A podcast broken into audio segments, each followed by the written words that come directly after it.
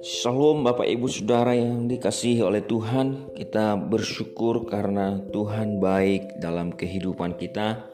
Saya percaya di mana pun Bapak Ibu berada saat ini Ada di dalam kasih dan perlindungan Tuhan Dan senantiasa berkat Tuhan ada di dalam kehidupan Bapak Ibu Saudara Bapak Ibu Saudara yang terkasih, saat ini kita kembali akan merenungkan firman Tuhan.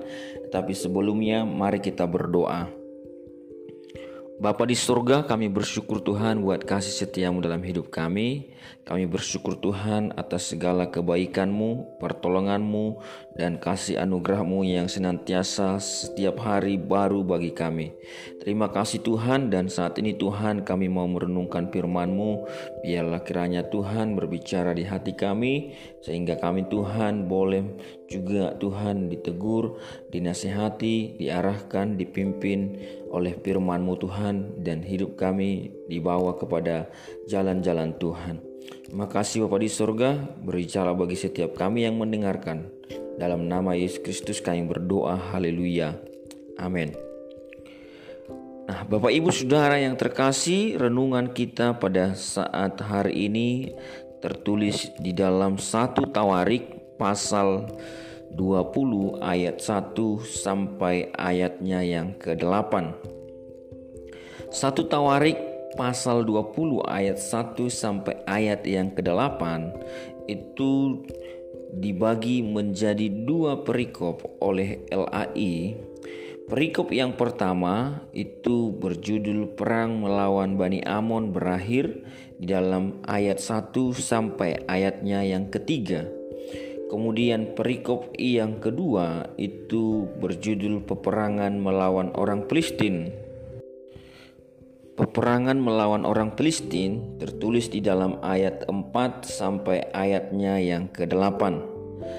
Bapak Ibu Saudara yang terkasih, Pasal 20 ini begitu singkat tetapi ada dua perikop dibuat Bapak Ibu Saudara dan kalau kita melihat Bapak Ibu Saudara bahwa di dalam pasal 20 ini ada hal yang tidak sama dengan apa yang ditulis penulis Tawarik dengan apa yang ditulis oleh di dalam kitab Samuel.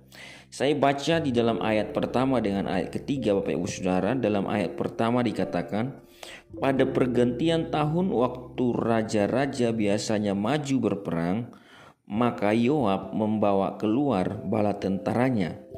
Kalau di dalam satu Samuel, di dalam kitab Samuel itu bukan inisiatif Yoab, tapi atas perintah Raja Daud sehingga Yoab membawa tentaranya untuk berperang melawan Bani Amon. Tetapi penulis Tawarik di sini seperti menghilangkan menghilangkan inisiatif Daud yang menyuruh Yoab untuk pergi berperang.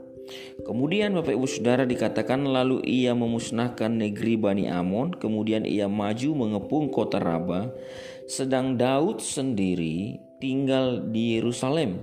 Kemudian langsung dilanjutkan dengan kesimpulan Yoab memukul kalah Rabah dan meruntuhkannya.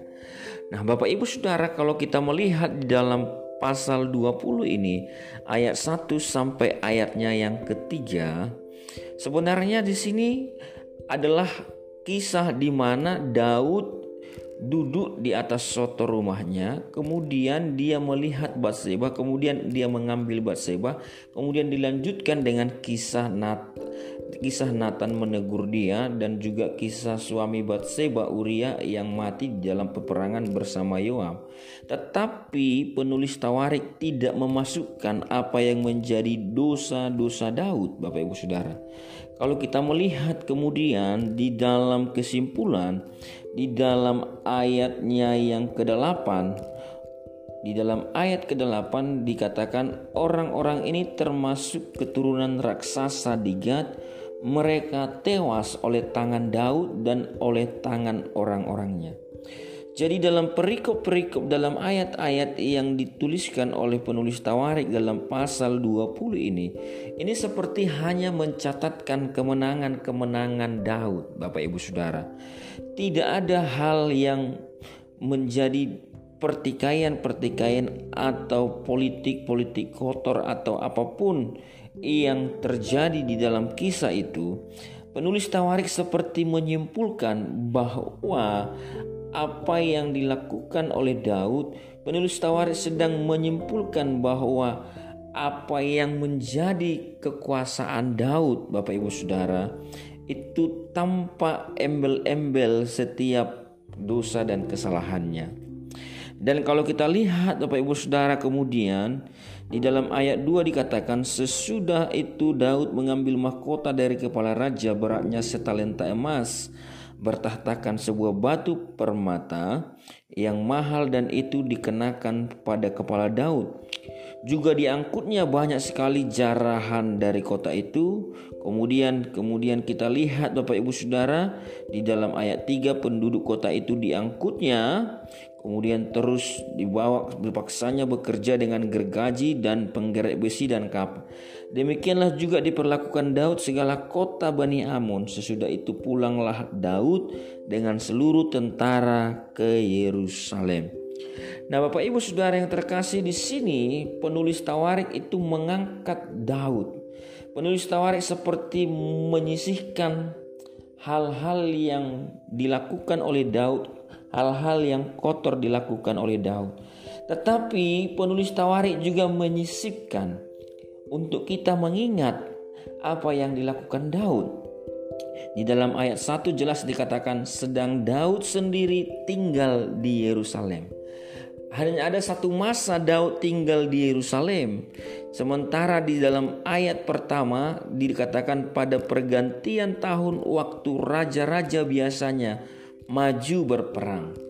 Jadi di sini Bapak Ibu Saudara seperti penulis Tawarik mengingatkan kita akan kisah Daud bersama Batseba akan kisah dosa-dosa yang dilakukan oleh Daud Bapak Ibu Saudara.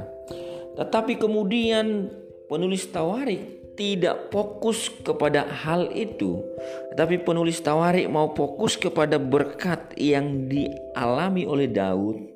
Kalau di ayat 1 penulis mengingatkan bahwa Daud tinggal sendiri di Yerusalem, kemudian setelah itu langsung kepada kesimpulan-kesimpulan yang dialami oleh Daud, yang diterima oleh Daud, yaitu kemenangan-kemenangan Yoab, kemenangan-kemenangan semua orang-orang Israel di bawah pemerintahan Daud, di mana Daud mengalahkan orang-orang yang besar-besar atau yang disebut dengan keturunan raksasa. Di sini seperti kita melihat ada anugerah Allah Bapak Ibu Saudara pasca dosa pertobatan yang dialami oleh Daud. Tadi saya sudah simpulkan, sudah mengatakan bahwa di dalam kisah Samuel, penulisan kitab Samuel, Daud dituliskan kemudian dia ada bersama dengan Batseba, kemudian mengalami teguran dari Nabi Nathan, kemudian ada banyak hal-hal hal-hal lagi yang lain yang terjadi, ada banyak cerita lagi yang terjadi hingga sampai Bani Amon dikalahkan, hingga sampai orang Filistin dikalahkan. Tetapi penulis Tawar ingin menunjukkan bahwa setelah apa yang dialami oleh Daud, dosa yang dilakukan oleh Daud, kemudian dia kemudian penulis Tawarik fokus kepada kemenangan-kemenangan Daud. Penulis Tawarik fokus kepada janji yang diberikan oleh Tuhan melalui Daud. Sehingga melalui keturunan Daud maka tata kerajaannya dikokohkan sampai selama-lamanya. Bapak Ibu Saudara di sini penulis Tawarik sedang fokus kepada janji dan juga kepada anugerah Allah. Bapak Ibu Saudara berbicara mengenai janji Allah kita harus tetap berpegang teguh karena janji Allah tidak akan pernah dibatalkan Bapak Ibu Saudara. Janji Allah akan selalu digenapi. Oleh karena itulah janji Allah selalu berbarengan dengan anugerah Allah. Seburuk apa pun seseorang ketika dia kembali kepada Tuhan, dia akan mendapatkan anugerah Tuhan. Sejahat apa pun seseorang ketika dia kembali kepada Tuhan, dia akan mendapatkan janji Allah. Oleh karena itu, Bapak Ibu Saudara, selalu ada kesempatan kedua bagi kita ketika kita kembali kepada Tuhan. Ketika kita bertobat, ketika kita berbalik dari jalan-jalan kita yang jahat, Bapak Ibu Saudara. Di sini penulis Tawarik seperti fokus kepada berkat kepada kesempatan kedua kepada kemenangan-kemenangan yang diterima oleh Daud pasca pertobatannya karena dia sedikit menyisipkan bahwa Daud tinggal sendiri di kota Yerusalem. Jadi Bapak Ibu Saudara yang terkasih, Daud sendiri tinggal di kota Yerusalem. Nah, oleh karena itu Bapak Ibu Saudara, kita bisa melihat setiap orang yang berbalik kembali kepada Tuhan akan mendapatkan kembali janji Allah. Setiap orang yang berbalik kembali kepada Tuhan akan mendapatkan kembali kemenangan-kemenangan yang dari Tuhan, akan mendapatkan anugerah Tuhan. Anugerah Tuhan terbuka lebar bagi mereka yang mau berbalik kepada Tuhan. Anugerah Tuhan terbuka lebar bagi mereka yang mau bertobat, Bapak Ibu Saudara. Oleh karena itu menjadi tugas kita Bapak Ibu Saudara juga untuk mengingatkan orang lain, mengingatkan saudara kita, mengingatkan keluarga kita bahwa anugerah Allah terbuka untuk siapa pun kalau mereka kembali percaya kepada Tuhan dan hidup kembali di dalam jalan Tuhan sehingga mereka akan menjadi penerima dari kemenangan-kemenangan atas janji-janji Allah. Seburuk apa pun, sejahat apa pun, Tuhan selalu menanti kepulangan kita. Anugerahnya selalu terbuka lebar untuk kita kembali kepada Tuhan. Bapak Ibu Saudara itulah yang menjadi fokus daripada penulis Tawarik ini. Sehingga ia tidak menuliskan besarnya dosa yang dilakukan oleh Daud. Bagaimana Daud mengutus Uria bagaimana Daud mengambil Batseba dan kemudian Uria mati di dalam medan pertempuran Penulis Tawarik tidak fokus kepada dosa-dosa Daud, tetapi penulis Tawarik fokus kepada kemenangan-kemenangan yang diterima Daud pasca pertobatannya. Oleh karena itu, Bapak Ibu Saudara, kita patut syukuri bahwa ketika kita kembali kepada Tuhan, maka kita akan mendapatkan janji Tuhan dan meraih kemenangan-kemenangan di dalam janji-janji itu, sehingga kita senantiasa bersyukur kepada Tuhan. Saya, Bapak Ibu Saudara, bersyukur atas janji-janji Tuhan dan percaya bahwa janji-janji Tuhan akan senantiasa digenapi bagi mereka yang percaya. Terpujilah nama Tuhan Bapak Ibu Saudara kiranya renungan yang singkat ini boleh Tuhan berbicara di hati kita masing-masing sehingga ketika kita masih berada di dalam kehidupan yang lama dan belum percaya sepenuhnya kepada Tuhan, mari kita bertobat, mari kita berbalik. Dan jika kita sudah ada di dalam janji Tuhan, sudah berbalik dari kejahatan kita, anugerah Tuhan hidup di dalam anugerahnya, percayalah janji Tuhan itu nyata atas hidup kita. Terpujilah namanya Tuhan, mari kita berdoa.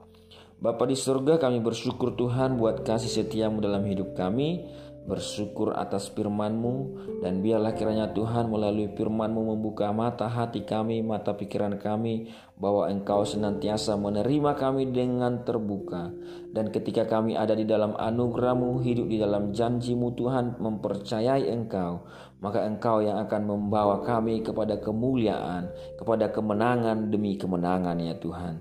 Terima kasih Bapak di surga, biarlah kiranya rohmu memberikan kami kekuatan sehingga setiap kami menjadi pelaku-pelaku firman-Mu. Dalam nama Yesus.